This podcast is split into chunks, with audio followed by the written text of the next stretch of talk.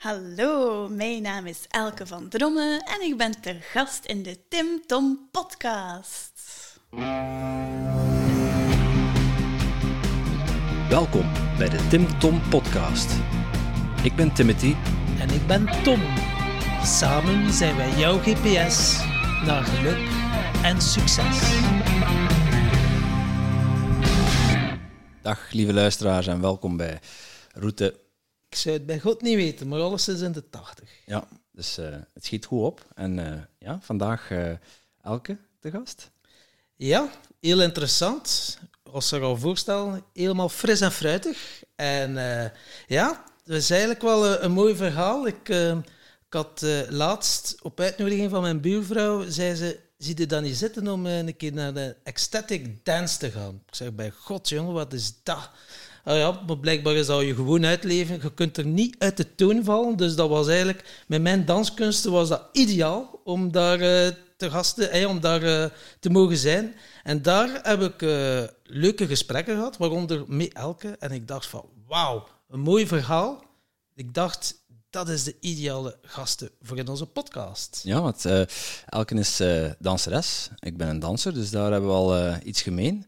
En ja, eh, zij is ook yoga-teacher. Klopt. En wat dat ze nog allemaal meer is, dat zullen we een keer vragen. Kijk ze. Dag Elke. Dag Timothy, Ja, welkom bij ons in de podcast. dank u wel. En leuk dat je eh, wil langskomen. Eh, laten, we, ja, laten we ook gewoon vandaag weer eh, met de vraag van de vorige gast beginnen. We hebben zo een paar podcasts gehad dat we... eh, normaal beginnen we hier altijd mee, maar dat we het eh, vergeten waren. En eh, ja, die fanbrieven die, eh, die we krijgen, die, klachten, klachten. We moeten wel beginnen met die vragen. Dus eh, Ik ben benieuwd. Tom, shoot. Ja. Wat is de grootste fout die je hebt begaan op het vlak van ondernemen? Ah, Oké, ik moet even voelen hoor. Eh, wat het antwoord daarop is. Wat is de grootste fout die ik heb begaan als ondernemer? Hmm. De zenuwen spelen ook wel nog een beetje parten. Hè? Dus het kan zijn dat het antwoord even achterkomt. Oké. Of wat zou je nu anders gedaan hebben? Wat zou ik anders gedaan hebben als ondernemer? Ja, aan de ene kant zou ik zeggen niks, want het is juist uit mijn fouten dat ik geleerd heb. Maar wat is de grootste fout geweest waar ik uit geleerd heb misschien? Ehm, ja, mijn, mijn onzekerheid om, om te starten, denk ik dan. Ehm, want ik heb al altijd geweten dat ik zelfstandig wou zijn. En dat er een ondernemer in mij zit, maar het heeft een viertal jaar sinds dat ik afgestudeerd ben geduurd tegen dat ik de stap heb gezet. Ehm, maar ja, blijkbaar was ik er dan ook nog niet klaar voor, mentaal dan, eh, door de onzekerheid. Want ik denk vaak van, ja, maar ik zou beter nog eerst die opleiding doen of die opleiding, want ik ben nu nog niet goed genoeg om te starten. Terwijl eigenlijk ja, wanneer zijn we wel goed genoeg om te starten? Eigenlijk kunnen we ons maar verbeteren en perfectioneren doorheen de weg en naar gelang dat we bezig zijn. En het is eigenlijk gewoon starten, gewoon doen. Dus dat is misschien, als je het over een fout hebt, dat is misschien de grootste fout dat ik gemaakt heb, is om uit te stellen, om te starten. En wanneer was dan het moment dat je zoiets had van oké, nu start ik? Kan je nog terug naar dat moment dat je echt zo iets had van... Mm, Ja. Oh ja. Eh, ik werkte toen in een kapsalon als kapster. En ja, ik wist dus altijd al dat ik wou eh, zelfstandig zijn, maar ik wist gewoon nog niet als wat. Want ik voelde van, coifferen, ik doe dat heel graag, maar het is niet mijn grootste passie. En ja, toen, toen stelde ik mij de vraag van, ja, wat wil ik dan wel doen? Maar ik wist het nog niet. Toen stelde ik mij ook de vraag van wat kan ik nu wel om toch zelfstandig te zijn? En dan dacht ik, oké, ik kan wel coifferen en ik kan zelfstandig zijn. Ik hoef daarom niet per se een kapsalon te starten. Ik kan bijvoorbeeld ook aan huis gaan, wat mij meer vrijheid geeft. En ik hoef dan ook niet te investeren in een pand of in een zaak. En ik hang ook niet aan een plaats vast of aan openingsuren enzovoort. Ehm, ik ben dan eigenlijk vrij om te werken en niet werken wanneer dat het voor mij uitkomt. En ook opleidingen te volgen die mij interesseren om mij dan verder te verdiepen in hetgene dat mij interesseert en mij te brengen waar ik naartoe wil. En om dan eigenlijk te antwoorden op je vraag van wat heeft mij tot dat punt gebracht, is ja, door mij eigenlijk zodanig te nerveren en gefrustreerd te voelen in het feit van ik ben niet waar dat ik nu wil zijn. Door eigenlijk die negatieve emotie te voelen, heb ik nog meer negativiteit naar mij toegetrokken. Bijvoorbeeld mijn baas, die mij enorm irriteerde op dat moment. Dat is niet zijn schuld, maar dat was gewoon ja, hoe dat ik mij voelde. En hij reflecteerde dat eigenlijk terug, of spiegelde dat eigenlijk terug naar mij. Eh, dat ik daar gewoon weg moest. Ik moest mijn eigen weg bewandelen en niet zijn weg en ook niet de weg dat mij was voor, voorgelegd door mijn ouders of door mijn geloofsovertuiging van vroeger enzovoort. Dus dat heeft mij dan eigenlijk de duw gegeven van oké, ik wil hier uit, ik wil vrijbreken, ik wil niet meer voor een baas werken die zegt wat ik wel en niet mag doen en ik wil mijn eigen ding doen. En dan dacht ik oké, doe het gewoon, want hier ben je toch niet gelukkig dus. Je had ook zelfstandig kapster kunnen worden. Uh, ben ik ook geworden. Ah, kijk, kijk. Ook niet meer voor een baas werken, maar ja, uh, dansen, yoga, uh, het is toch iets heel anders dan knippen. Yes. is, dat, is, is kapster worden iets waar je als kind altijd al van droomde? Nee, maar het was wel iets waar ik als kind vaak mee bezig was. Dus met mijn Barbiepopjes of, of bij vriendinnen ook, dat was dan hun haar doen zo, of bij mijn moeder of bij mijn omaatjes hun haar borstelen. Dat is heel simpel, maar of speltjes insteken of staartjes maken enzovoort en vlechtjes. Uh, en toen zeiden ze mij altijd van, zou je laatst, later geen kapster willen worden? Mijn antwoord was altijd, nee, ik wil nooit geen kapster worden.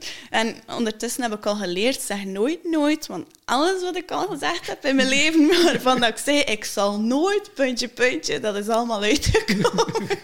dus wees voorzichtig met het woordje nooit. Ja, profetische woorden. Ja. ja. Wat, wat wil je dan wel graag doen als kind? Als kind, het enige wat ik voor ogen had, was een danscarrière. Dat is altijd mijn grootste passie geweest en nog altijd. Dat is, ja, ik, ik ben dat gewoon. Uh, als ik dans, dan vergeet ik alles.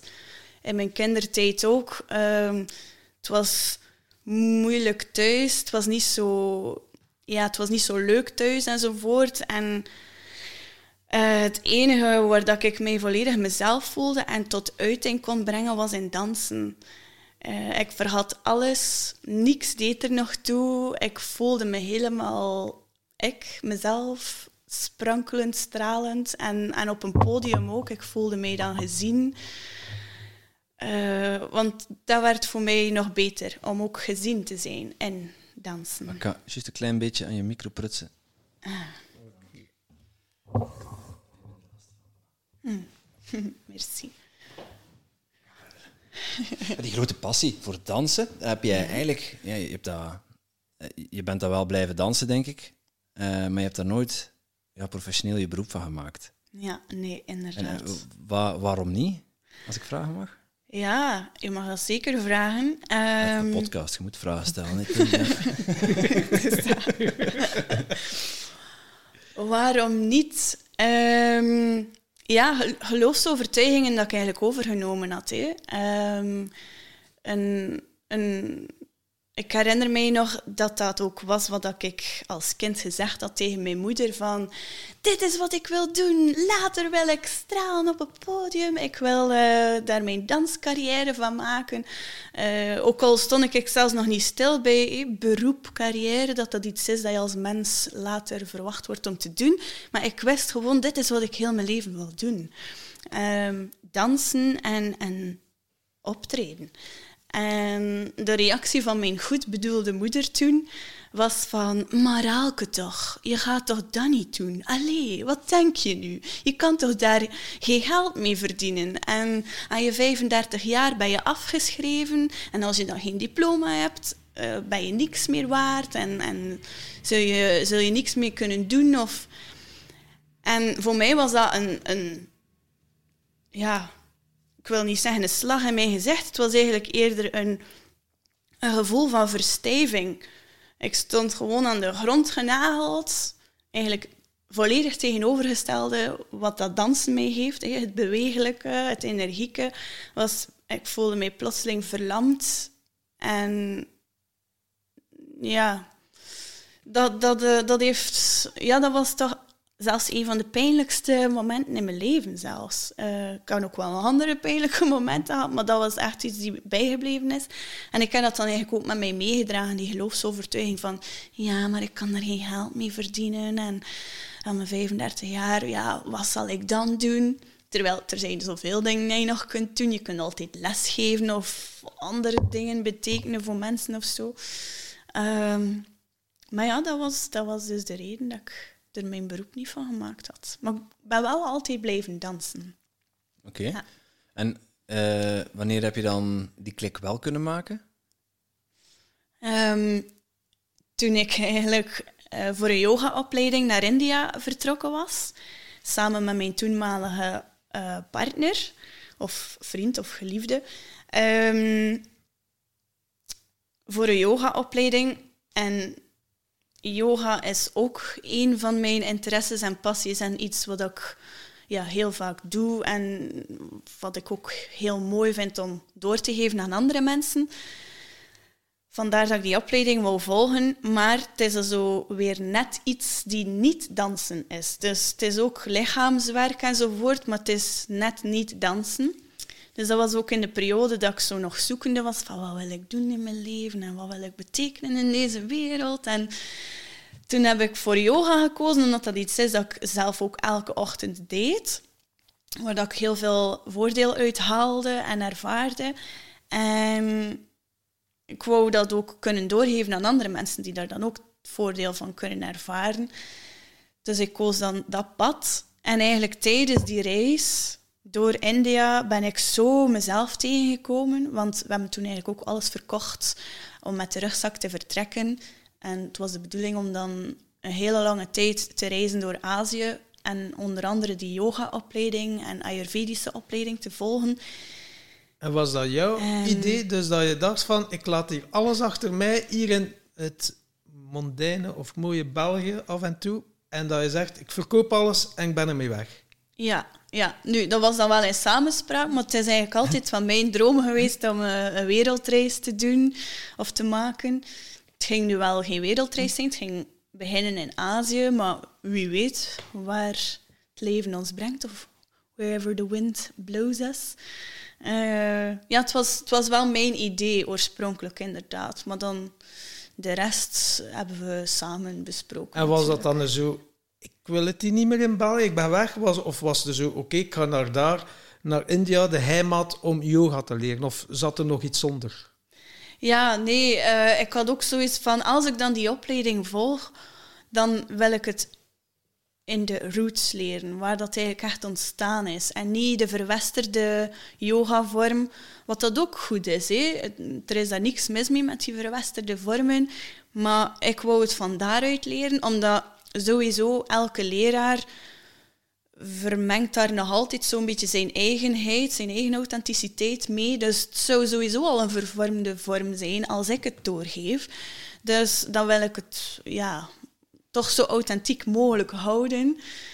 Uh, dat, het, uh, dat, dat ik ook weet dat het klopt wat ik doorgeef. Dat ik niet zomaar ja, iets klakkeloos overneem van ja, mensen die het ook al vervormd hebben. Maar je dacht van, oké, ik vertrek naar India, maar had nog geen einddatum van, oké, dan keer ik terug.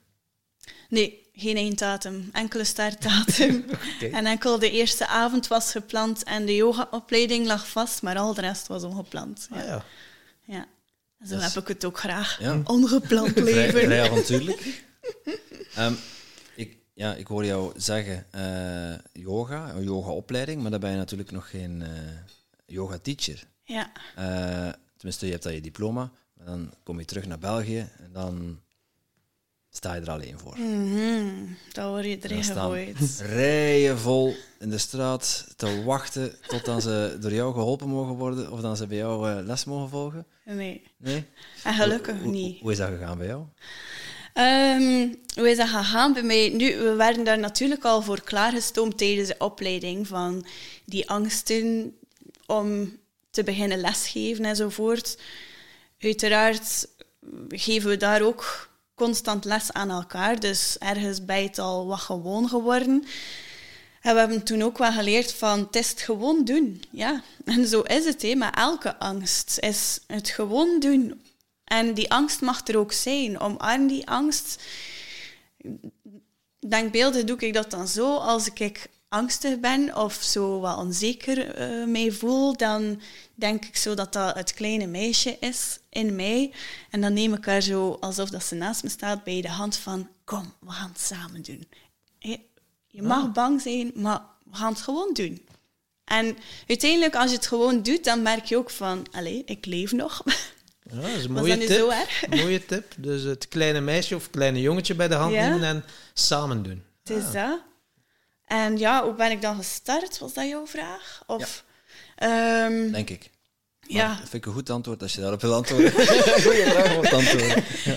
Uh, hoe ben je gestart? Uh, ja, ik... Um, Eerst uh, heb ik bepaald van welke mensen wil ik aantrekken of welke doelgroep of waar wil ik mij op richten en wat is vooral mijn intentie eigenlijk met die, met die yogalessen. Want mijn intentie was vooral um, ik wil niet de grote massa aantrekken, maar ik wil kwaliteit kunnen bieden. Ik wil iedereen afzonderlijk aandacht kunnen geven, de aandacht die zij op dat moment nodig hebben, om hen te helpen of begeleiden in hun emoties, waarin dat ze op dat moment uh, ja, zitten of de emoties dat ze op dat moment belichamen of beleven.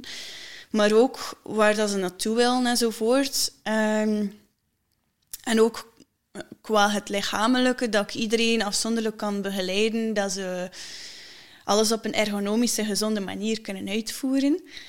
En dus dat wist ik al, van oké, ik wil kleine groepjes, dus dan bepaal je ook een beetje een prijs bijvoorbeeld. Van ja, ik wil het dan ook niet te goedkoop doen, want anders trek je mensen aan die ja, zo willen proberen en die dan weer afhaken. Dus uh, maar tegelijkertijd ook niet te duur, want ik start nog maar. Hè, dus je wil daar dus ook wel eerst wat, wat volk trekken en dan. Hoe heb je dat dan gedaan, die prijsbepaling? Is dat, was dat ook uh, een evenwichtsoefening of hadden ze iets? Nee, dat is de prijs. En... Nee, dat was wel een evenwichtsoefening. ik vind dat het moeilijkste dat er is, dat is de prijs bepalen. Um, ja, want het is eigenlijk de waarde dat jij voelt van dat is de waarde dat ik vind dat mij. Ja, of dat is wat ik vind dat mijn lessen waard zijn en daar bepaal je dan een prijs voor. En een prijs, dat is ook voor iedereen anders. Hè.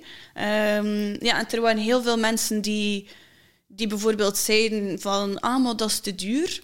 En dan had ik iets van, oké, dan is het niet voor jou. En dat is ook goed. het is ook niet de bedoeling dat het voor iedereen is. Uh, want ik wil ook de massa niet aantrekken.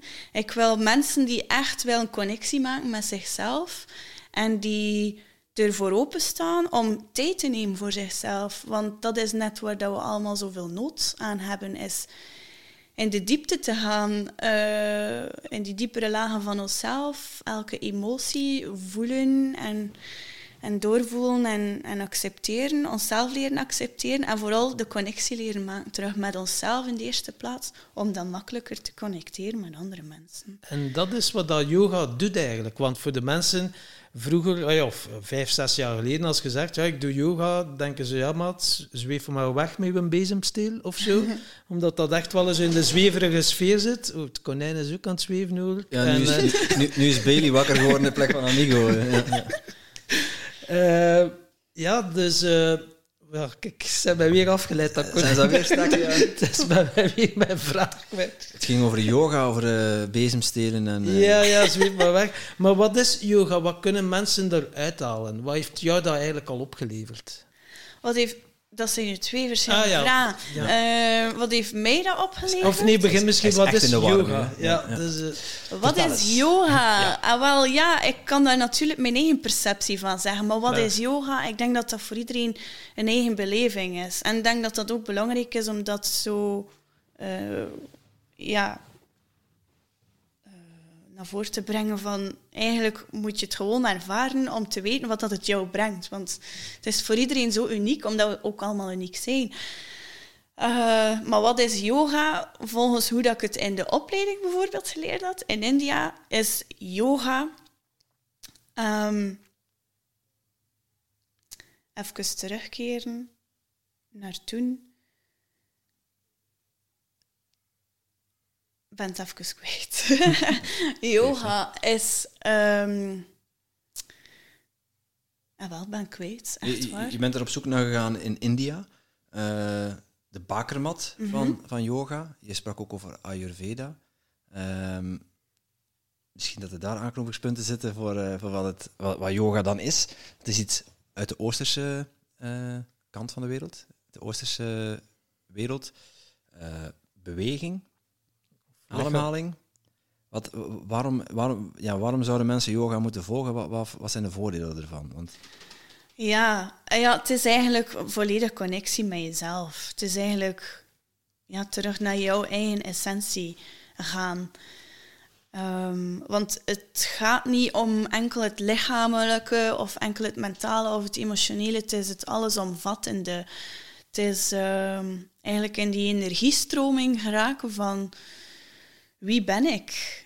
En ja, volledig één zijn met jezelf. En vereniging ook. Uh, waardoor dat er dan ook samenhorigheid ontstaat met andere mensen en met alles wat is. Niet alleen met mensen, maar ook met planten en dieren en de wereld en de natuur. En het allesomvattende, alle energie dat er is, het universum, hoe dat je het ook wil noemen. Uh, maar in de eerste plaats connectie met onszelf. Want ja, daar ja. begint het bij. Ik kan me herinneren dat wij, we hadden Jo, uh, jo Sanders in onze podcast. Dat ging, is ook een yoga teacher, ik weet niet of je die kent.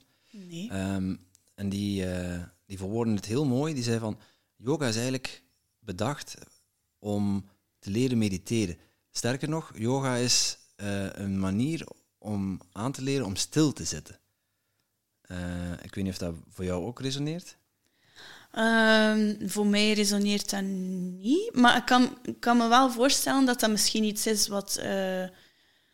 Ja, van oorsprong, hè, altijd over. Ah, ja, ja. ja. ja wat het hem gebracht heeft misschien.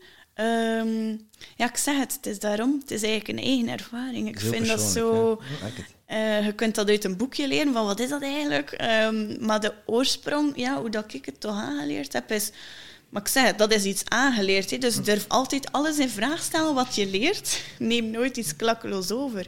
Want wat ik geleerd heb, is dat het ja, de essentie is van um, connect, connectie maken met jezelf. Dan zal ik nu naadloos overgaan naar mijn volgende vraag. Wat heeft het jou opgeleverd, yoga? Oh, uh, ja. Het heeft mij ook heel veel nieuwe perspectieven op het leven gegeven. Uh, bij mij is het eigenlijk begonnen bij het fysieke. Dus dat was wat ik vroeger dacht van yoga. Dat dat, omdat dat, zo wordt dat ook op social media getoond. Hè? Dus enkel wat dat je ziet is ook het fysieke. Um, want de energie of de gevoelswereld of de gedachtenwereld van de mens, dat zie je niet. Dus ik dacht dat dat iets fysieks was, zoals dat je gaat gaan fitnessen of zo. Dus zo is, is bij mij ook eh, begonnen. Ik volgde wel yogales en dan via YouTube ook wat meevolgen en dan gewoon naapen. Uh, maar uiteindelijk voelde ik dan ook wel bepaalde sensaties in mijn lichaam en, en bewustwordingen van bepaalde dingen en, en van je emoties ook en, enzovoort. Um, van daaruit is dan de, de, de interesse gekomen om dus die opleiding te volgen. En dan pas heb ik een hele andere kijk gekregen op wat dat yoga voor mij betekent. Want in die yoga-opleiding, wij hebben dus hatha yoga geleerd. En dat welk, welk type yoga? Hatha yoga. Hatha. Hatha, ja. we hebben, volgens mij hebben we Kundalini al een keer okay. in de podcast gehad. Ja. Wat is specifiek hatha yoga? Wel, zijn eigenlijk meer statische houdingen dat je een bepaalde duur vasthoudt. En in onze opleiding was dat dus constant dezelfde sequence, elke dag, dus een hele maand aan een stuk herhalen. En ik ben iemand die enorm nieuwsgierig is naar nieuwe dingen, altijd nieuwe dingen wil, wil leren. Ehm, wat dat ook wel leidt tot een onrust op een of andere manier. Maar tegelijkertijd ja, vind ik, ben ik heel blij dat ik zo nieuwsgierig en leergierig ben. Maar toen werd dat dus niet gevoed en ik voelde me daar geïrriteerd van. Dus dat was dan ook een emotie die loskwam, wat dat ook wel interessant was. Want oké, van waar komt die irritatie? Waarom moet ik altijd iets nieuws hebben? Om, om gelukkig te zijn of om mij goed te voelen. Waarom kan ik ook niet gewoon genieten van wat dat er nu is en eigenlijk van iets simpels genieten? En ik heb dan ook ervaren door eigenlijk constant diezelfde sequence te doen, enkel dan ervaar je zowel lichamelijk, mentaal en emotioneel en energetisch de echte voordelen van elke houding en elke oefening, omdat je het elke dag opnieuw ervaart. En het toont je ook elke keer opnieuw hoe dat je op dat moment in jezelf uh, bent of zit of voelt. Bijvoorbeeld, ik ga u een voorbeeld geven. Uh, voor mij een hele moeilijke, dat was de hoofdstand. Dus om op je hoofd recht te staan. Ik weet, het klinkt als breakdance nu, maar... Uh... Ja, wel, maar ik ben daar ook zo bang van. Ik, ik hou van uh, rollercoasters enzovoort. Daar geen schrik om over kop te gaan of zo. Maar laat mij gewoon op mijn hoofd staan, eigenlijk zo laag bij de grond, dan ben ik wel bang om te vallen. en ja, je mag mij uit de vliegtuig gooien met de parachute. Ik zou dat, eh, ik zou dat super tof vinden, maar ja, zet mij op mijn hoofd en ik ben bang om te vallen. En zo zie je dat angst echt tussen je oren zit. Ehm, en in het begin was dat zo zwaar voor mij om die hoofdstand te doen. Dat was altijd de eerste asana, of de eerste uh, comfortabele, stabiele houding wordt dat ook genoemd. De eerste houding van de sequence. En ik heb mezelf voorgenomen, oké, tegen het einde van deze opleiding, dus op het einde van deze maand, wil ik hem kunnen. Ik moet hem kunnen. Hoe bang dat ik ook ben, ik moet hem kunnen. Dus elke keer wanneer we vrije tijd hadden, oefenen, oefenen, oefenen. En bang dat ik was. En constant tegen mijn eigen onzekerheden aanstoten. Maar er dan toch door blijven gaan. Tot op een gegeven moment dat onze teacher zei: Oké, iedereen doet nu de hoofdstand. En als je voelt dat je hem nog niet alleen kan, steek dan je vinger op, dan kom ik helpen. En ik stak meteen mijn hand op van: Yes, oh, ik ben blij dat hij komt helpen. En hij kwam maar niet naar mij. En hij zei: Jij doet het alleen. En ik: Maar nee, ik kan het nog niet. En hij zei: Je kan het wel. En toen dacht ik, oké, het is nu of nooit, doe het gewoon. en voor de eerste keer kon ik gewoon rechtop staan. En uh, natuurlijk vanaf het moment dat ik, dat ik dan eigenlijk dacht van... Ik doe hem, ik doe hem! Ja, dan bam, viel ik neer. en toen besefte ik plots van...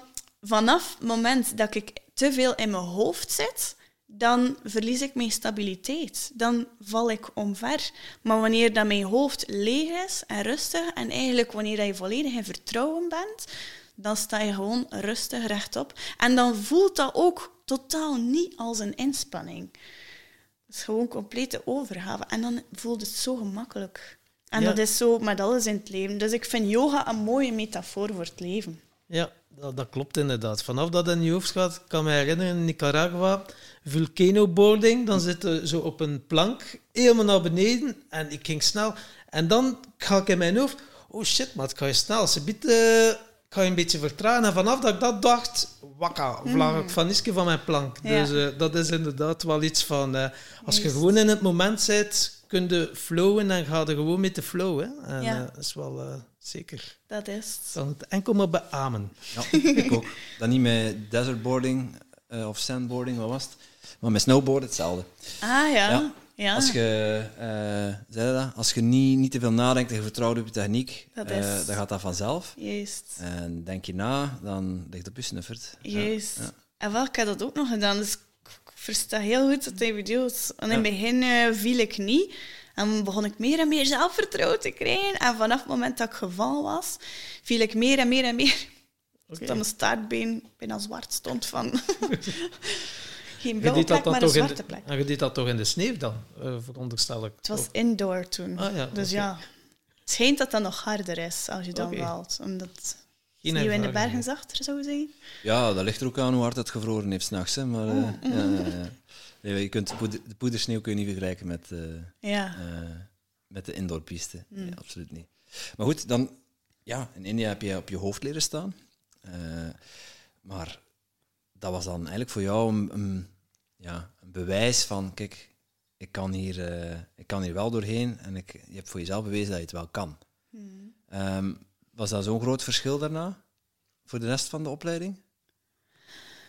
Eh, ja, eigenlijk wel. Nu, ik zeg het, dat was wel tegen aan het einde van de opleiding, hè, want ik- dat was mijn doel. Ik wou Dus het was eigenlijk de eerste pose die je moest ja. leren, Ja. maar die, die beheerst je pas op het einde van de opleiding. Ja, dus dat was een sequence met meerdere houdingen dat we elke dag herhaalden. En dat was voor mij de moeilijkste, dat ik zeker wou kunnen. Ehm, wat was je vraag ook alweer? Ja, of het daarna een verschil maakte, eh, als je Ah. dat kon, zeg maar voor jezelf eh, mentaal. Voelde je je daarna mentaal bevrijd en wat, wat was daarvan het effect voor jou? Wel ja, toch een beetje een overwinningsgevoel van gewoon doorzetten en door de angst heen gaan. Want daar komt het eigenlijk telkens op neer, voor mij dan toch, en ik denk voor veel mensen wel, is oké, we zijn angstig en dat mag er ook zijn. En we zullen altijd angsten hebben in ons leven, maar als dat is wat je wil doen of bereiken, ga er dan gewoon voor. En die angst zal, zal dan omgezet worden in een kracht en in een zelfvertrouwen. Dus dat heb ik wel ervaren. Eigenlijk Ja. echt wel het monster recht in de bek kijken. Ja, Ja, dat is makkelijk gezegd natuurlijk. Eh, je angsten onder ogen zien, er doorheen gaan. Maar eh, hoe pak je dat aan, Elke? Want ja, als je helemaal verstijft van de angst, dan gebeurt er helemaal niks. ja, klopt. Dus ja, heb je daar tips rond eh, hoe, hoe dat je dat aanpakt? Ja, ik kan natuurlijk wel zeggen hoe dat ik dat doe. En ik denk dat iedereen wel zo zijn manieren heeft of zijn techniekjes. Eh, zoals ik daarnet ook bijvoorbeeld zei, van het kleine meisje dat ik dan bij de hand neem. Zoiets. Of eh, ja, ik praat gewoon heel veel tegen mezelf ook van... ehm, Oké, ik, ben, ik ben bang. Het eerste, de eerste stap, denk ik wel, is het erkennen dat je bang bent. Want soms voelen we wel onzekerheid, maar we kunnen de vinger er niet op leggen van wat voel ik nu eigenlijk. En we negeren het gevoel. Dus we doen het maar niet, want waarom zou dat nu zo belangrijk zijn om dat te kunnen? Eh, dat was ook mijn eerste gedachte, zelfs van die simpele hoofdstand van waarom is dat belangrijk om te kunnen? Het is niet belangrijk om dat te kunnen. Het gaat er gewoon om dat ik daar bang voor ben om het te doen. En dat dan net de reden is dat ik het wel wil doen. en dat ik het wil kunnen, want ik wil zo weinig, ik wil leven zonder of met zo weinig mogelijk angst. En alle angsten die ik heb, wil ik zoveel mogelijk overwinnen. Dus ja, hoe doe je dat? Ja, hoe, doe ik dat? Door tegen mezelf te praten van oké, ik heb die angst, ik heb jou gezien. Ik praat daarmee eh, van waarom ben je bang? En van waar komt die angst? En dan komt er daar vaak ook iets van vroeger uit voort. Zo van, ja, er heeft mij ooit iemand gezegd dat, puntje, puntje. En, eh, en daardoor ben ik nu bang. Eh, en zelfs ook al komt er geen antwoord, dan... Ja... Dan zeg ik gewoon van, oké, ik zie jou. En je mag er ook zijn. En kom, we doen het nu samen. We gaan er gewoon voor. Dus eh, als ik het eh, mag samenvatten, het is ook belangrijk, je stelt jezelf ook goede vragen. Je gaat dieper gaan graven van, oké, je mag, eerst gaat het herkennen van, oké, je mag er zijn, en dan, oké, van waar komt het? En dan ga je in stilte en komen normaal gezien de antwoorden naar boven. Ja. Klopt dat een beetje? of heb ik slag de bal nu volledig mis? Ja. Ja, nee. Ehm, kan je dat nog een keer herhalen, alsjeblieft? Wow. Ja, dat was een goede samenvatting. Herhaal het nog een keer, Tom. Eh, dus dat je door jezelf eh, goede vragen te stellen, dat je dan in stilte gaat en dan de antwoorden dan vanzelf naar boven komen, waar dat je dan mee Ja. aan de slag gaat. Het is dat, inderdaad. Ja, ehm, ik probeer de laatste twee jaar zoveel mogelijk mij te focussen op mijn gevoelens. Want vroeger heb ik altijd mijn gevoelens onderdrukt en wist ik ze daardoor ook niet onder woorden te brengen. Nu is het voor mij ook een oefening om die onder woorden te brengen, want ik ben ook nog niet zo lang daarmee bezig met gevoelens erkennen en dan onder woorden te brengen. Dus Ehm, ik ben nu weer al vergeten. ik heb zoveel blackouts, dat is niet normaal. Ik ben met zoveel dingen tegelijk in mijn hoofd bezig. Waardoor ik alweer vergeten was wat hij ging zeggen. Want ik voel dat Tom heeft een eh, gesloten vraag gesteld, dus eh, daar kun je eigenlijk alleen ja of nee op antwoorden. Ik ga gewoon ja zeggen, dan is een vraag beantwoord en dan kunnen we door. Nee, maar ik vond dat, dat is wel een goede vraag. Die, die, ehm, zeg je dat, die, die, die angsten overwinnen, eh, ergens ja, je gevoel, eh, door, het doorvoelen. Ik hoorde je net ook zeggen van, oeh, dan moet ik even invoelen. Eh, ik hoorde je praten over emoties. Twee jaar geleden heb jij, ja, ben je daarmee begonnen om, om je emoties eh, ja, meer te uiten, een plek te laten geven. Eh, wat, wat was daarvoor de aanleiding? Wat er toen de aanleiding was, was relaties. Ehm, omdat ik merkte van, ik vind communicatie heel belangrijk in een relatie. En ik kan ergens wel ja, communiceren, maar als het dan over gevoelens gaat, dan is dat moeilijk. En ik dacht van, ja, het is niet omdat het nu moeilijk is, dat erom altijd moeilijk moet zijn. Dus laat ons een manier vinden om, om dat toch te leren communiceren. En zo is, is de switch eigenlijk gemaakt van, ja, oké, we, we gaan leren hoe dat we dat kunnen doen en dan toepassen. Ja, Ook weer gewoon doen, want het is ook zo beangstigend eigenlijk om je gevoelens te ja, zien en te, te zien en het ook te verwoorden. Want Mhm. als je dat nooit niet hebt gedaan, heb je er ook geen woordenschat voor. Als ze dat vragen, hoe Ja. voelt u? Ja, Slecht. Maar ja, niet, maar slecht, hoe voel ah, ja, niet Ja. goed. En dat is het dan uiteindelijk. Mhm. Zo van, eh, Ja. oppervlakkig, Of niet eens slecht. Dan als mensen vragen hoe gaat het, hoe. Gewoon Ja, maar om niet, om niet te moeten uitleggen hoe dat je echt voelt. Ja. inderdaad, klopt. Ja. Hoe, hoe doe je dat? Je emoties een, ja, een plek geven en, en er mogen laten zijn? Oh, dat is echt wel door even stil te zijn. Want eigenlijk door veel te praten, ehm, ja, zit ik ook wel niet, niet zo in mijn gevoel. Eh, ik kan nu wel meer, nu al beter communiceren terwijl ik in mijn gevoel zit wel. Hè. Maar om eigenlijk echt te voelen van, wat speelt er nu? Of waar in mijn lichaam voel ik wat? Daarvoor moet ik even mijn ogen dicht doen en echt naar binnen keren. En dan, dan maak ik zo'n beetje een bodyscan van wat voel ik waar. Bijvoorbeeld nu, terwijl dat ik praat, voel ik ook telkens wanneer ik aan het einde van mijn adem kom, en, of het laatste woord van mijn zin kom, dat mijn buik volledig is naar binnen getrokken, omdat al de lucht eruit komt. Versta je? Dat Dus is daarmee iets dat dus doe je... Helemaal vacuüm getrokken. Ja, Ja. Ik, begrijp dat heel goed. En zeker als de ademhaling dan hoog zit. eh, omdat je, dat is heel moeilijk om, er dan, om, die, om die terug te laten zakken. Mm, Dan moet je eigenlijk, terwijl je aan het praten bent, is dat bijna, bijna onmogelijk als je ademhaling heel hoog zit. En, ja, en dan wil je eigenlijk zeggen van, ik moet door mijn buik ademen. Maar Ja. dat, dat lukt dan niet op dat moment. mm, En ja, dat kan alleen door even stil te zijn. Natuurlijk, ja, als je een presentatie geeft, bijvoorbeeld, en dat gebeurt, dan, eh, dan is dat lastig. ja. Maar jij hebt waarschijnlijk technieken daarvoor geleerd, ook vanuit de, vanuit de yoga. Ik dan eigenlijk vaak met mijn hand op mijn buik. Want uiteindelijk, er is niemand die daar raar van opkijkt als je even je hand op je buik legt. Dat is ook- ook gewoon een casual houding. Ook al sta je recht of zit je neer of lig je plat. Gewoon eventjes mijn hand daar leggen om mezelf eraan te helpen herinneren van adem naar je buik, adem laag en adem rustig. En dan voel ik ook zo een beetje de liefde van mijn hand, de warmte van mijn hand door mijn buik stromen van oké, het is oké. Adem maar door je buik. ja. Ja, ja, dat is een mooie tip. Mhm. Ehm, en ja, vanuit, eh, vanuit de yoga zijn, eh, je zei net van het is een mooie metafoor voor, eh, voor het leven. Zijn er zo nog ja, wijze lessen, dingen die we vanuit de yoga kunnen meenemen in ons dagelijks leven? Oeh, dat vind ik nu wel moeilijk om zo op één iets te komen nu. Doorheen eh, de lessen dat ik geef, komt Twee- dat twee meestal zo ook, hè? spontaan. Twee, ja. dingen, twee dingen mogen ook, ja. Eh, ik kan er nu niet direct op komen. Dat is meestal zo in een gesprek, dat er dan plotseling zo een inspiratie komt van iets. Of, eh, ja. En mm, ja, moest het, moest het wel komen, wat, wat, zou er dan, wat zou je dan antwoorden? Goeie vraag.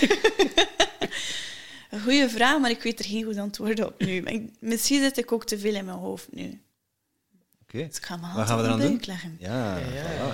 Gelijk al eh, implementeren. Hè? Ja, wel. Ja, want allee, veel mensen zeggen dan tegen mij, ja, maar jij geeft yogales, dus je hebt daar geen last van. Hè?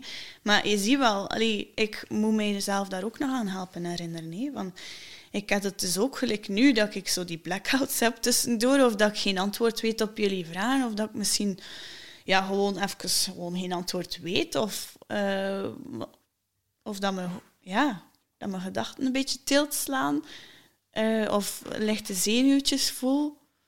Maar ja, die mogen er ook zijn. En het is dan ook aan mij om ze te herkennen. Want het is niet omdat ik yogales geef dat ik ze niet heb.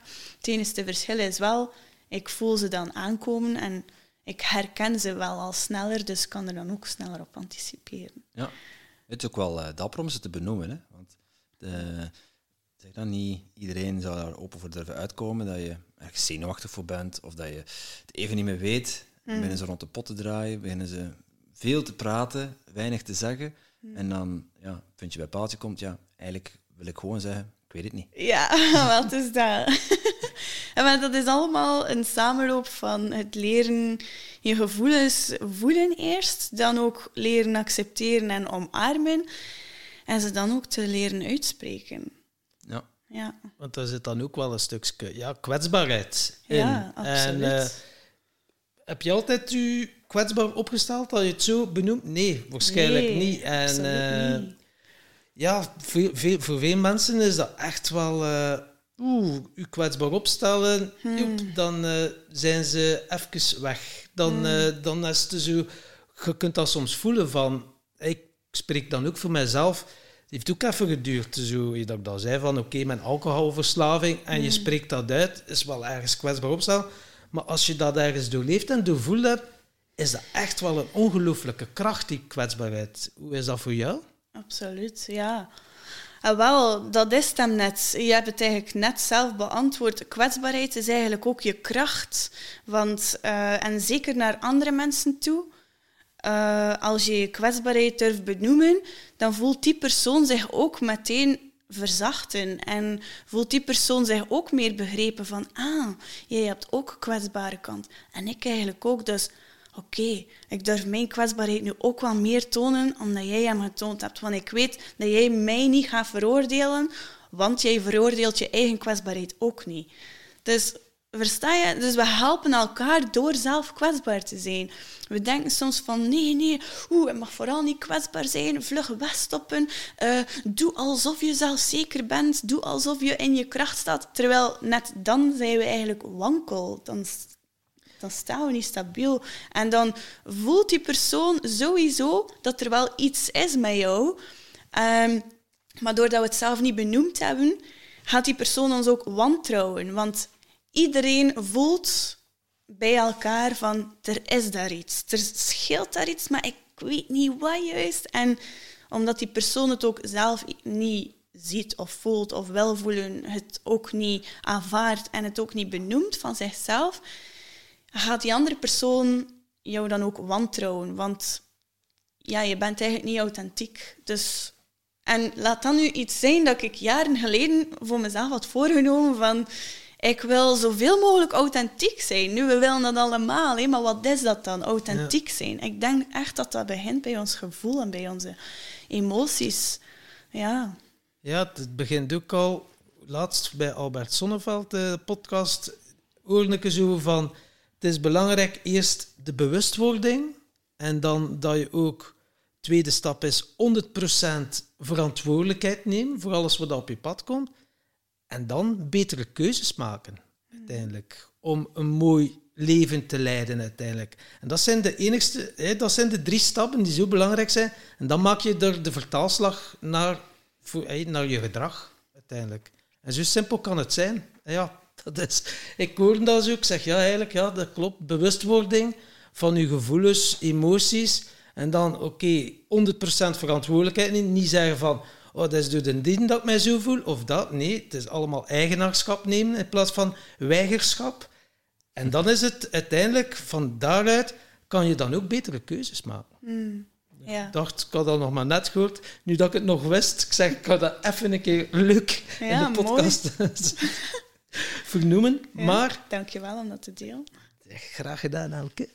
Eh, dus we zitten nog altijd bij de yoga, maar je grootste passie is nog altijd dansen. En nu is dansen nu nog eh, bij jou. Dus je danst wel, maar je geeft er ook opleidingen in. Had ik begrepen? Ja, ik geef normaal gezien dus yoga en danslessen. Ehm, maar op dit moment geef ik even helemaal niks. Ik ben in pauze nu, eh, volledig tijd voor mezelf aan het nemen.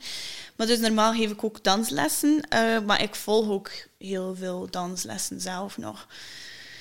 Dus ehm, Wat voor ja, dans moeten wij denken, Elke? Want dans is heel breed. het is dat. Ik Nee, hou van alle soorten dansen eigenlijk. zij sluit zij, dat is ook dansen. Ja, het is dat. de, de traditionele Rechts, pas op, links, eh, links, op, rechts. op de gemiddelde feestjes. Ja. Eh, maar dat is niet wat jij mensen aanleert, denk ik. Nee, dat klopt. Eh, bij mij, als ik iets aanleer, dan gaat het bij mij ook weer om het gevoel. Dus ook al vind ik het super tof om puur choreografisch danspasjes of choreografieën te leren aan mensen, vind ik het persoonlijk het allerbelangrijkste om lessen eh, door te geven aan mensen, om hen te helpen meer, eh, beter in zich ja, beter in hun vel te voelen eigenlijk. Wel in je vel te voelen, zelfvertrouwen. Eh, tot nu toe gaf ik vooral aan damesles. Nu, mannen zijn ook welkom, maar het gaat eigenlijk om de vrouwelijke energie en het vrouwelijke gevoel in jezelf willen versterken. Dus zowel mannen als vrouwen zijn welkom. Maar wel wetende dat het om het vrouwelijke gaat, de vrouwelijke energie. Dus het is ook weer dat sensuele die dan naar boven komt.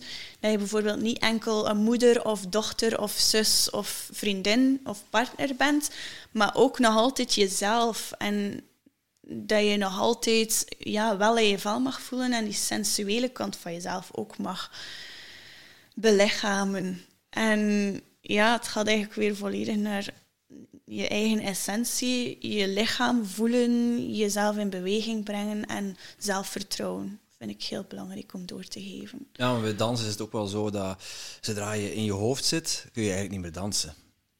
En dansen doe je niet met je hoofd, maar doe je met je lichaam. En ja, ik merk heel erg als, eh, zeker als je dan, eh, als mensen naar je kijken eh, en je begint in je hoofd te zitten, dan lukt het niet meer. Dan voel je bekeken of dan, dan wil je eigenlijk wegsteken in een hoekje of dan vergeet je gewoon je pasjes, vergeten alles wat je geleerd hebt. Terwijl, ja, als je echt aan het dansen bent en ervan aan het genieten bent, dan zij je gewoon aan het dansen. Dan zij je gewoon. Ja. De zijn staat, dat is zo bijzonder. Ik vind het eigenlijk wel interessant dat je dat zegt, want het eerste dat nu in me opkomt is van, ah, ik heb er nog niet over nagedacht. Dus zeg het eigenlijk al zelf, ik denk eigenlijk ook niet na wanneer dat ik dans. Ja. Dat is misschien ook omdat dat iets is die gewoon in mijn ziel aanwezig is. Dus ik kan me heel goed voorstellen dat mensen die ook graag dansen, maar misschien niet durven, omdat er misschien ja, ooit al iemand gezegd heeft van je kan niet dansen of je hebt geen ritme of gelijk wat. Dat heel, veel, ja, heel veel mensen vinden dat herkenbaar. Ja, veel Ja. mensen hebben mij dat ook al gezegd. Dus allee, het is echt een bekend fenomeen. Dus je bent zeker niet de enige. En, Ja, eh, maar is dat zo? Of, of, dan zit je zeggen, die inderdaad in je mensen, hoofd. zeggen die mensen dat om zichzelf iets wijs te maken, om maar niet zeg maar, die schaamte te moeten voelen om zichzelf te tonen? Want als je danst, dan ben je zichtbaar. En zeker als je kunt dansen of als je... maar ja, wat is kunnen dansen? Ja, ja als, je beweegt, als je beweegt op muziek en het ziet er niet uit alsof je eh, van hout gemaakt bent, hè, op, op die manier, ehm, dat mensen al rap naar u kijken. Of dat je het gevoel hebt dat mensen naar u kijken. En ik denk, dat is zo'n moment dat mensen ja, voelen van die schaamte of die dingen. En oh, mensen kijken naar mij, maar gaan ze wel niet van mij denken. En dan zit je in je hoofd. Dan ben je aan het panikeren. Dan komt die angst naar boven. Dus als je daar niet mee bezig bent, maakt het niet uit.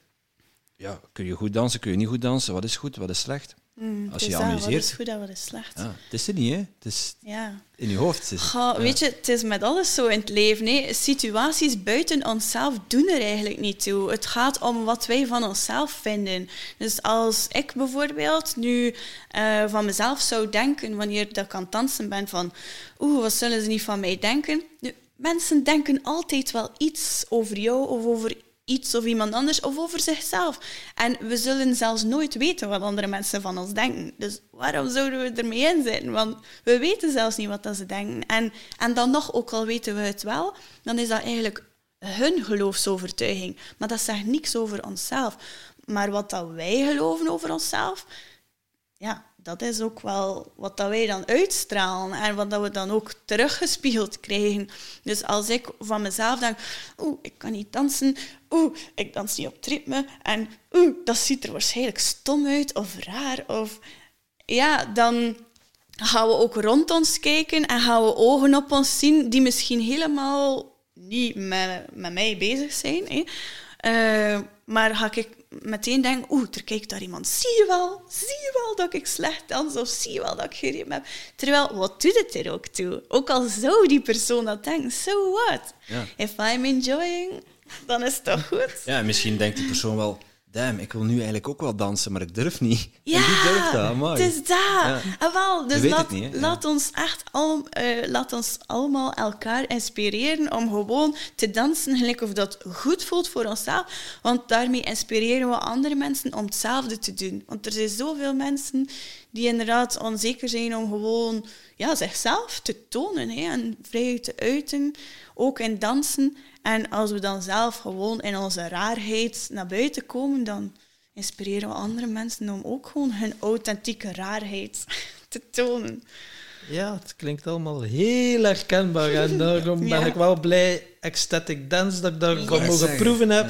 Ja, authentiek jezelf zijn en dansen. Eh, ik heb dat verhaal gehoord van Tom. Vrije expressie. en dat is wel tof. Je valt er niet uit een toon. Je moet niet op stapjes letten. En, nee. uh, dan hadden ze was zo wat. En dat is wel voor mij een serieuze overwinning geweest. Dat ik in het begin wel nog hoor. Zo denken, oeh, ja, ja. En dan begint je je eigen verhaal weer af te spelen. Mm. En blokkeerde effectief. Dan mm. denk ik, oei, is dat nu het ritme of niet het ritme? En dan mm. begint een dialoog met jezelf. En dan uh, ja, was meestal... Vroeger als ik nog dronk, was dat makkelijk. Een pintje of vijf, zes. En dan trok het u zeker niet aan. Nu dat je niet meer drinkt. Stond je op tafel. dus ja, en, uh, ja, en denk je, kan iedereen leren dansen voor jou? Maar met leren dansen bedoel je dan uh, echt gewoon zelfexpressie of bedoel je dan pasjes leren, pasjes, echt dus choreografie? Uh, hier onze salsa professional, die is naast mij. Kan iedereen dat leren? Kan het aan jou? Ja. Ik zit hier met twee professionele dansers, dus uh, ik, ben, ja, ja, ben ervan overtuigd dat iedereen het kan leren, maar niet iedereen gaat hetzelfde niveau halen. Of niet iedereen gaat er evenveel plezier uit halen als een ander. Um, dus salsa ook wel iets waar dat je met... Ja, je kunt het alleen doen, maar iets wat, met, wat je met twee doet. En dat maakt het ook dat je het wel moet kunnen om een ander te leiden. Dus als man leid je een vrouw in de dans. Zo werkt het nu eenmaal. Sorry mensen, vrij, vrij discriminerend. Maar, maar omgekeerd kan natuurlijk ook. Omgekeerd kan ook, maar het, ja, zeg maar, als, je, als, je, als je gaat dansen, eh, de, de man leidt de vrouw. En als je als man niet kan dansen, dan kun je de vrouw ook niet leiden. Dus er zijn wel bepaalde basisdingen die je dan moet beheersen als je het hebt over salsa. Maar als je het hebt over vrije expressiedansen, zijn er geen regels, zijn er geen grenzen. Voor salsa zijn er ook geen regels. Hè. Ik, wil, uh, ik zie veel beginners gewoon dansen en gewoon wat doen. En die zijn zich aan het amuseren en die hebben mm. lol. Ja, zo ben ik ook ooit begonnen. Hè. Mm. Uh, zo kun jij ook beginnen. Dus iedereen kan dat leren, ben ik van overtuigd. Maar niet iedereen ja, heeft hetzelfde talent voor, voor iedere dans. Nee. Mm. Ja, want ja. jij hebt het zelfs uh, buikdansen aan Jens den Donker geleerd, hè? zag ik uh, op jouw uh, Facebook. ik had eigenlijk nog zo graag geantwoord op je vorige ah, ja, okay, ja, Maar ik vind het wel al leuk waar je naartoe aan het gaan. Maar... mag ik, mag Ja, ja tuurlijk, tuurlijk. Maar ik zat hier al... ik wil ook nog iets zeggen. Wat is jouw mening? Kan iedereen leren dansen? Ah, wel, ik vind gewoon niet alles is voor iedereen en dat hoeft ook niet. Dus daar draait het dan eigenlijk ook om, vind ik. Van, ja, als je graag danst, daar begin het mee. Oké, zoek dan iets die voor jou passend is. Want het is niet omdat je graag danst dat je daarom moet uh, choreografieën aanleren. Het is daarom niet ook al wil je misschien wel choreografie leren, wil je misschien jazzdance doen en geen ballet. Of wil je misschien eerder hip-hop doen, of wil je misschien liever stijldansen of salsa of whatever. Maar dat hoeft niet. Misschien wil je gewoon, gewoon dansen zonder dat er jou iets opgelegd wordt van dat moet op een ritme zijn, dat, moet, uh, dat moeten zo'n bewegingen zijn. Bijvoorbeeld die static dance, zo'n dag, dat is super. Ja, je laat gewoon je lichaam bewegen zoals dat wilt. Wil je rollen over de vloer? Wil je hangen in een boom? Allee, maakt allemaal niet uit. Gewoon vrije expressie van je lichaam. En voor mij is dat ook wat, wat, dat dansen eigenlijk echt betekent. Ik vind het leuk ook om choreo's te leren en dan ook door te geven aan anderen. Of, dan ook zelf in elkaar te steken en door te geven aan andere mensen. Ja, ik vind het verschrikkelijk maar vrije uiting ook. Ja, dat is, dat is dat? Ja, ah, wel. Ik vind het allemaal leuk. Alles met dansen ben ik. Ik vind, vind juist leuk aan... aan uh, ik vind persoonlijk leuk aan dansen is dat ik zelf kan kiezen op welk moment wat, wat ik wil doen. Op dat moment. Mm. Wat voelt dat ik wil doen. Mm. En een choreo is dan zo een, ja, een rijtje afwerken in een bepaalde volgorde, dat is niet, dat is niet mijn ding. Ja. Mm. Kijk, dat is dan, er zijn al twee dansers, maar dat is dan toch een heel andere perceptie. Ja, wel. Ik vind het alle twee leuk. En wat ik leuk vind aan choreo's leren, is uh, om mijn eigen grenzen ook te leren verleggen. Want ik merk ook als ik bijvoorbeeld gewoon vrij uit dans, ja, dan... Um, te zijn natuurlijk dat ik, er, dat ik er echt de tijd voor neem om nieuwe choreo's in elkaar te steken, maar dan is het ook weer een choreografie. Dan ga ik natuurlijk mezelf ook, mijn eigen grenzen ook verleggen en nieuwe, crea nieuwe creaties voor de dag komen. Maar ik vind het leuk om ook ja, mijn, uh, mijn lichaam te, uit te dagen. Want soms als ik dan naar een dansles ga en iets leer van andere mensen, doen zij iets waarvan ik zelfs nog nooit gedacht had dat dat mogelijk zou zijn met mijn lichaam. Maar dan zie ik dat en dan wil ik dat kosten wat het kost kunnen. En dan oefen ik dat totdat ik het kan. En dan weet ik ook van, ah, ik heb hier iets nieuws geleerd. Yes! En mijn lichaam kent dat nu. Terug dus- dat doorzettingsvermogen van hoofdstand. Uiteindelijk hetzelfde principe. Van, ja, ja ik moet het kunnen. Ja. Zoals Nelson Mandela zei, van uh, everything, everything is impossible until it's done. Uh, ja, het is ook zo. Hè. Mm -hmm. ja, dus, uh, Mooi. Uh, onze podcast gaat over... Oh, oh, oh, eerst moeten we nog een keer Jens de Donker laten ah, ja, ja. Oh, ja, oh. het buikdansen. Het, het, beeld flitste er net al. Het was, uh, ik had dat snel weggestoken weer. Ja. Dat moet je me niet kwalijk nemen. Nee, Jens, sorry. Maar is dat naar aanleiding om hem ook een keer uit te nodigen voor een podcast? De Jens de Donker zou eigenlijk wel uh, ook een keer passen. Ja. Uh, is eigenlijk ook wel een voorbeeld voor velen. Hè. Die heeft zo wel ook epilepsie en zo. En die komt er ook hmm. voor uit. Hij heeft ook een moeilijke periode achter de rug dat hij zich heeft laten opnemen in de paasafdeling, psychiatrische afdeling, heeft dat ook openlijk gecommuniceerd. Sommigen hebben er dan wel neergesouwd, social media, maar vond dat wel heel krachtig. En hmm. ja, zich kwetsbaar ook. Ja, dat dat leven is, dat ook niet altijd gaat. Hij is dan een voorbeeld voor velen. Ze zien hem op televisie. Maar dat daarachter ook wel een mens schuilt ah die het ook even een keer niet kan weten. Dus dat hmm. vond ik echt wel uh, tonnen respect voor hem. Hmm. Dus, uh, kun jij ons in contact brengen met hem? Of heb je zijn nummer niet? Nee. nee. nee, we hebben geen nummers uitgewisseld. Het was blijkbaar genoeg na één dansje. we zullen hem wel een keer vragen. nu ben ik wel benieuwd naar dat verhaal van uh, waarom, waarom heb jij Jens leren buikdansen? ah, ah, wel, dat was eigenlijk op uh, Belgium's Got Talent. Uh, ik had met een vriendin deelgenomen om buikdans te performen. En Jens wou heel graag buikdans leren. En ik zei, oh, kom maar op podium dan. en dan zo een paar movejes geleerd. Dus ja. Leuk. ja, dat zijn de momenten die je, die moet inkaderen, denk ik. Ja. ja, dat was wel heel leuk. Dat was, een momentje. Alles in het algemeen was super leuk. was een, een geluksmomentje.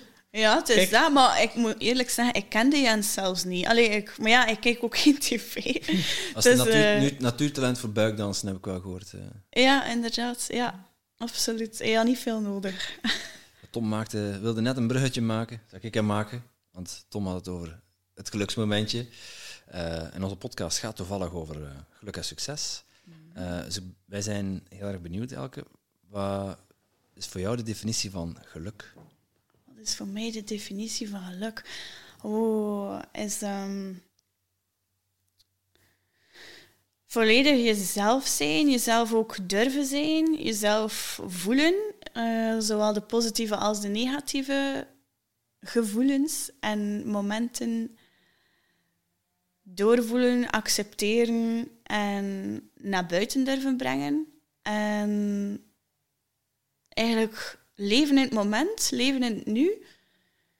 Voor mij is dat ook zo weinig mogelijk plannen, om dus ook zoveel mogelijk in het moment te kunnen leven.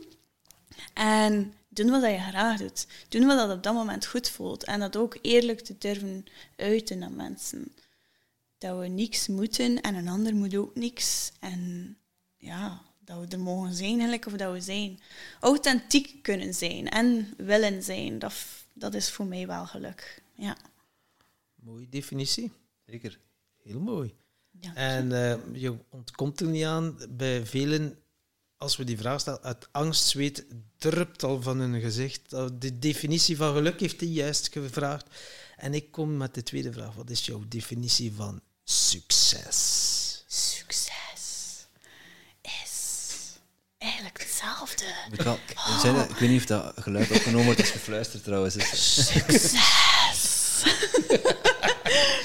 Eh, voor hier een zwoele aflevering, dames en heren. Ja. Ja, met al die salsa hier naast mij. Wat is succes? Ja, ik vind eigenlijk hetzelfde. Oh, ik voel me eigenlijk succesvol wanneer ik gelukkig ben. Ehm, wanneer ik kan doen wat ik graag doe. En vooral eh, wanneer dat andere mensen er ook baat bij hebben. Dan, dus eigenlijk succes voor mij is het gevoel hebben dat je ook nuttig bent Dat je kan, in de dat maatschappij je of kan in bijdragen de aan wereld. het of- grotere geheel. ja, eigenlijk wel. Ja, dat is mooi verwoord. Ja, kijk, voilà. Jij hebt de woorden gezegd dat ik niet vond. Eh, maar het omschrijft wel alles, ja. Dan komt de vraag, wat is jouw bijdrage aan het grotere geheel? Ik sluit weer even mijn ogen en ik voel in mijn buik. Wat is mijn bijdrage in het grotere geheel? Is ja, altijd eerst en vooral ehm, mijn eigen gevoel voelen en dat ook naar buiten brengen. Waardoor ik ook andere mensen inspireer om hetzelfde voor zichzelf te doen. Zichzelf volledig doorvoelen, positief en negatief. En dat ook naar buiten te durven brengen.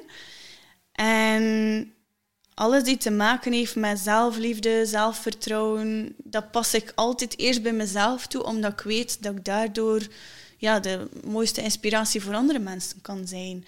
Want dat is uiteindelijk waarvoor dat ik het doe, in, in, in een ruimer perspectief dan bekeken. Ehm, ik, eh, zou ik het zeggen, het raakt mij niet meer als mensen mij nog zouden durven zeggen van je bent egoïstisch, je denkt enkel aan jezelf en eh, dit of dat, dat, dat raakt mij niet meer, omdat ik weet van, ah ja, het is teken dat ik op de goede weg ben, want dat is nu net het belangrijkste, dat we allemaal eerst aan, zo, aan onszelf denken, omdat we dan veel meer kunnen betekenen voor andere mensen. Dus dat is ook een grote inspiratie dat ik, wil, ja, dat ik doorgeef in al mijn lessen ook. En zoveel mogelijk wil blijven doorgeven is... Denk in de eerste plaats aan jezelf. Zorg in de eerste plaats voor jezelf. En dan kun je veel beter ehm, van dienst zijn voor andere mensen. Eh, wat dat ik erin hoor, ja, je blijft ook altijd groeien. Je, je, je volgt ook veel opleidingen om eh, ja, bij te leren. En eh, in eh, persoonlijke groei, wanneer is dat op je pad gekomen? Want ja, de podcast gaat hier ook wel over persoonlijke groei en persoonlijke ontwikkeling. Dus hoe is dat bij jou op pad gekomen? Was al als klein meisje, wauw, ik ga hier een keer het pad van persoonlijke groei op, opgaan? Ja, eh, ik weet nog, het keerpunt was aan mijn 17 jaar. Ehm, pardon. Ehm, was aan mijn 17 jaar, omdat ik had toen last van huidproblemen en eh, bij alles wat ik had, had ik zoveel pijn in mijn buik enzovoort. Dus eh, ben ik dan op zoek gegaan naar manieren om gezonder te leven. Dus eerst was dat voeding. Toen had mijn broer, die ondertussen overleden is, ook gezegd van... Oh, Elke, ik heb iets interessants gevonden om eh, meer zelfvertrouwen te krijgen. En dat waren dan eigenlijk ook podcasts die jou eh, tools meegaven hoe dat je je zelfvertrouwen kunt versterken. En dacht van, oh ja, die wil ik ook. En ik heb die toen ook aangekocht. Dus dan eigenlijk ja, om mijn zelfvertrouwen te versterken. En in zijn cursussen zaten ook meditaties. En van wie was dat die? was dan van Geert Verschaven. Ah, Ja, super interessante man. Eh, ik heb eigenlijk al zijn cursussen gevolgd. Ik ik weet niet, ja, misschien heeft hij er nu ondertussen wel al nieuwe, maar hij had een zelfvertrouwencursus, dan ook een versiercursus voor mannen of een versiercursus voor vrouwen. Hè. Dan ook een hoe denkt een man cursus voor ja, de mensen die aangetrokken zijn tot mannen. En een uh, hoe denkt een vrouw cursus voor mensen die aangetrokken zijn tot vrouwen enzovoort. Dus ik heb dat allemaal aangekocht, uh, alles wat dat voor mij toepasselijk was. En ik heb daar superveel uit geleerd.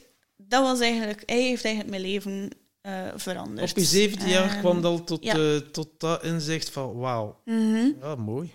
En wel, ja, ik ben toen eigenlijk voor de eerste keer met meditatie in aanraking gekomen. Want dat was toen een begeleide meditatie, zo dat je je oortjes stopt. En dat ik dan deed in mijn bed. En meteen zat ik er volledig in en ervaarde ik wat dat, was. En ja, sindsdien heeft dat me nooit meer losgelaten en wilde ik daar meer over weten.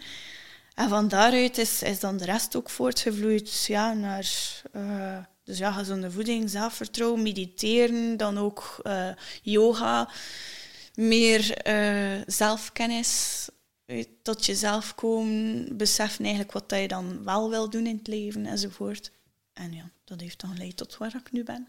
Mooi, mooi. Want ja, we hebben ook wel nog iets gemeenschappelijk. Een en Michael Pilarczyk ja, hebben we daar nog in de voorbespreking gehoord. Ja. Zodat jij ook dan die Roadmap to Success and Happiness hebt gedaan en ook Meditation. Moments. Uh, wat heeft jou dat, ja, die Roadmap to Success and Happiness, dat is dan dat je doelen gaat stellen en hoe ziet, er, hoe ziet jouw droomleven eruit? Dus uh, ja, kijk, dat is een hele mooie vraag. Hoe ziet jouw droomleven eruit? Heb jij nog uh, doelen? Oh, wauw, dat is zo termijn, breed. Op oh, lange termijn ja. dat je zegt van wauw, stel nu een keer dat tijd en geld geen rol speelt.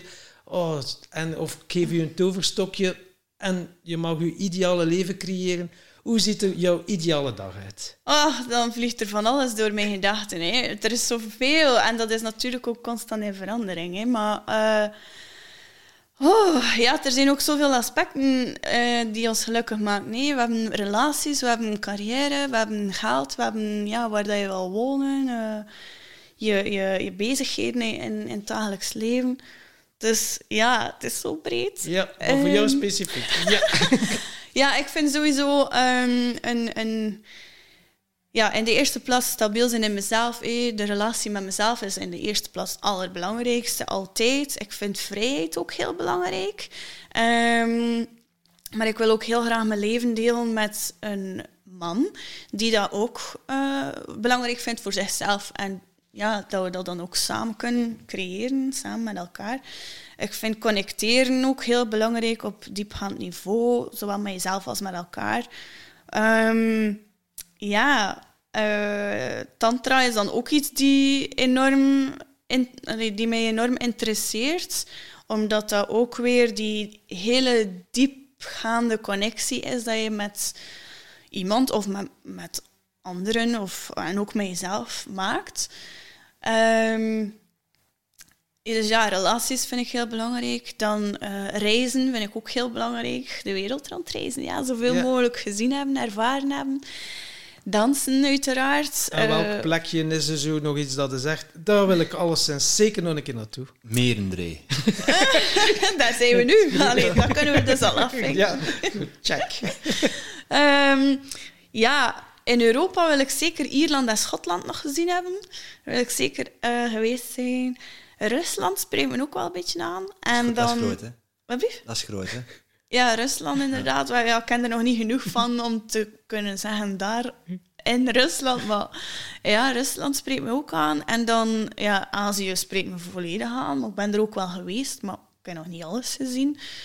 Uh, Japan bijvoorbeeld ook. Uh, Australië spreekt me ook wel aan. Ook al ben ik niet zo aan die hele warme temperaturen, maar ik wil er toch een keer geweest zijn. En Canada. Oké. Okay. Dat spreekt me ook enorm aan. Ja. ja. je kan naar hier en je Canada. Ja, voilà. dus Canada. Kijk, kijk eens aan. Wow. Kan dat? In Canada. Hoe? Uh, ja. ja, dat, klinkt, uh, dat klinkt super. Ah ja, en dus ja, van mijn levensdroom. Allee, ik ja. vind het vooral ook belangrijk, eerlijk of dat ik ook zei, om me nuttig te voelen. Hè? Dus om ja. van betekenis voor andere mensen te zijn. Maar, Niet onbelangrijk. Dus, allee, ja, want dat vervult je ook wel hè, in het leven. Ja, en dat is voor jou succes, heb je net gezegd. Dus, mm -hmm. Oh ja, en, en eh, vrouwencirkels heb ik eigenlijk ook Vrouwencirkels. Ja, Vrouwencirkels. juist. Ja, Verklaar u dat is wel nader. Wel, ja, ik zeg nu natuurlijk vrouwencirkels, maar ik wil niet al te seksistisch zijn door te zeggen vrouwen. Nee, het is niet omdat we met een bepaald lichaam geboren zijn dat we daarom zo willen bestempeld worden. Hè? Want je hebt ook veel mensen die zichzelf identificeren met een andere energie. Dus iedereen, met acceptatie voor iedereen, dat, ik dat ik dit zeg. Ehm, maar dus vrouwencirkels, dus met iedereen die de vrouwelijke energie wil belichamen. Eh, ja, wil ik zoveel mogelijk organiseren ook om elkaar en die vrouwelijke energie te ondersteunen. Na verloop van tijd wil ik dat dan ook wel gemengd doen, mannelijk en vrouwelijke energie. Maar in het begin wil ik, omdat ik zelf ook een vrouw ben en mij vo- vooral me goed voel in mijn vrouwelijke energie, wil ik eh, daarmee connecteren om ehm, ja, terug dat zelfvertrouwen en dat vrouwelijke te bekrachtigen. En wat het eigenlijk betekent om vrouw te zijn, hoe we ons voelen, eh, onzekerheden van, ja, van honderden of duizenden jaren ver, van generatie op generatie, eh, angsten dat we eigenlijk opgeslagen hebben in ons lichaam. Hoe dat we daarmee omgaan en hoe, dat we, de, hoe dat we dat in onze moderne wereld kunnen transformeren. Ik denk nu, ja, vrouwencirkel, ja, ik krijg dan een beeld, oké, je staat allemaal in een cirkel, handjes geven en allemaal in de cirkel, of is dat toch nog iets anders, die vrouwencirkel? Ja, eh, inderdaad, meestal zitten we wel in een cirkel of staan we in een cirkel, omdat een cirkel, ja, als je een cirkel maakt, dat is eigenlijk ook, ze zeggen dat is een visieuze cirkel, maar de energie blijft daar ook draaien, hè? want het kan, kan er niet uit, want de cirkel is dicht. Dus een cirkel heeft ook wel een, een mooi symbool en, en dat is eigenlijk ook een energetische stroom dat dat vormt. Dus eh, je hebt dat misschien wel ooit al een keer gedaan als je elkaar zijn hand vasthoudt en één iemand krijgt een elektrische snak, dan gaat iedereen dat Zeker. dus ben, ja, ik ben opgegroeid in een boerderij en een schrikdraad. En Ja. eh, dat is altijd leuk als er dan iemand kwam, eh, kwam spelen vroeger en die wisten dat niet. Dan van, eh, hier, aan, aan mijn, aan mijn vingers vast en dan pak ik aan de stroomdraad. dan krijgt hij een ander, krijgt een snok. Ja. ja, juist. Ja, sorry. dat-. Hier, hè. dat is een deug niet. Ja. Ik, eh, dat, dat terzijde. Ja. Ja, voilà, het is Maar, dat.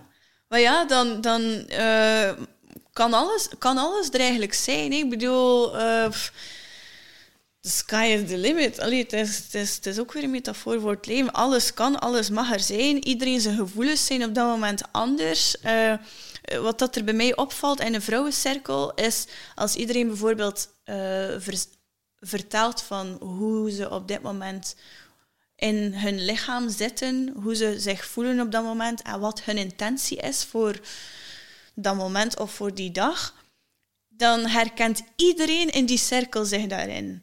Dus dat valt echt wel op. Eh, ik ben er zeker van, moesten wij dat nu doen, omdat er is geen toeval dat wij op dit moment, de aantrekkingskracht heeft ons op dit moment samengebracht, moesten wij nu bespreken van hoe voel ik mij nu eigenlijk echt en wat is mijn intentie voor vandaag, dat we ons alle drie enorm zullen herkennen in elkaar. Ja, ik zal het u zeggen. Inspireren. Amai, Amai. mij, wat een toeval. Kijk eens aan. Ja, ja ik, kan, ik kan niet anders dan dat beamen natuurlijk. Ja, Ja, ja. Ja, en we doen dan eigenlijk van alles, van activiteiten ook. Of dat kan iets vertellen zijn, eh, ja, hartluchten, dat kan, dat kan eh, ja, vertellen over eh, je menstruatie, of over je vruchtbaarheid, of over iets dat je meegemaakt hebt, of positieve of negatieve ervaring. Maar dat kunnen ook dingen zijn dat we doen, bijvoorbeeld... eh, lichamelijke oefeningen of eh, elkaar dragen. Bijvoorbeeld dat één vrouw gedragen wordt door alle andere vrouwen, letterlijk fysiek. En dat ze bijvoorbeeld mag uiten wat ze wilt. Is dat iets zeggen? Is dat een geluid maken met haar stem? Is dat bewegen met haar lichaam? Of is dat eh, wenen? Of is dat schreeuwen? Of maakt niet uit. Of is dat zingen? Maar dat ze zich gedragen voelt. En dat wij haar zien, dat wij haar horen. Dat we, ja, dat we, dat we er volledig zijn voor haar. Dat ze er mag zijn zoals ze Die is. volledige expressie weer, Ja, eigenlijk. Het, eh, wat dat in het lichaam en het gewoon laten stromen en het mag uitko- eruit komen wat dat er wilt. Ja, Mannencirkels bestaan ook trouwens. Hè. Ja, Ja, maar we, hadden, we hadden Koen de Pauw in onze, in onze podcast. Route 4 uit mijn hoofd. Eh, dat is al even geleden trouwens. 80 Ja, afleveringen om precies te zijn. Mhm. Eh, maar die had, eh, die had inderdaad zo'n brotherhood. Ja, zo'n mannencirkel. Oké. Dus de, moesten mannen luisteren en daar meer over willen weten, kunnen ze naar route 4. Eh, moesten vrouwen luisteren en moesten ze meer willen weten over vrouwencirkels, dan kunnen ze bij jou terecht. Waar, waar, kunnen ze eventueel meer informatie vinden, eh, Elke? Ah, wel, ja, momenteel eh lig ik eigenlijk stil en wil ik dus eh, een andere wending in mijn leven maken. Dus alles zal ook gewoon nog moeten veranderen. Maar je kunt mij in principe wel terugvinden op mijn website jodamsoham.be. Jodam Soham. ja, maar ik zou dat moeten spellen, want het is eigenlijk de yo van yoga, de da van dans en de m van meditatie, jodam. En soham betekent dat ben ik. Oké. Ja. Dus yoga, dans, meditatie, dat ben ik. Soham is een mantra, zou je kunnen zeggen, Oké. in het Sanskriet. Oké. Een hele mooie. We We zullen gaan- het ook ja, wel... Ik kan het zeggen, we gaan het in de show notes zetten. Dan eh, kunnen mensen eh, daarop klikken en komen ze op jouw website terecht. Oké, als ze in de noten zitten, nu zitten meeschrijven. het is dat. Ja, ik luister ook vaak eh, naar podcasts in de auto. Kijk eens aan. Goed. ehm, als, ja, eh, de vraag van voor de volgende gast. De, aan jou de eer om die te bedenken. Ah ja, een vraag voor de volgende gast. Ehm, Tom heeft wel geleerd. Ja, ik schrijf het nu altijd direct op. ah, dat is wel goed dat je dat opschrijft. De vaste luisteraars weten eh, dat, dat ik geen moeite doe om te onthouden. eh, en Tom soms nog minder.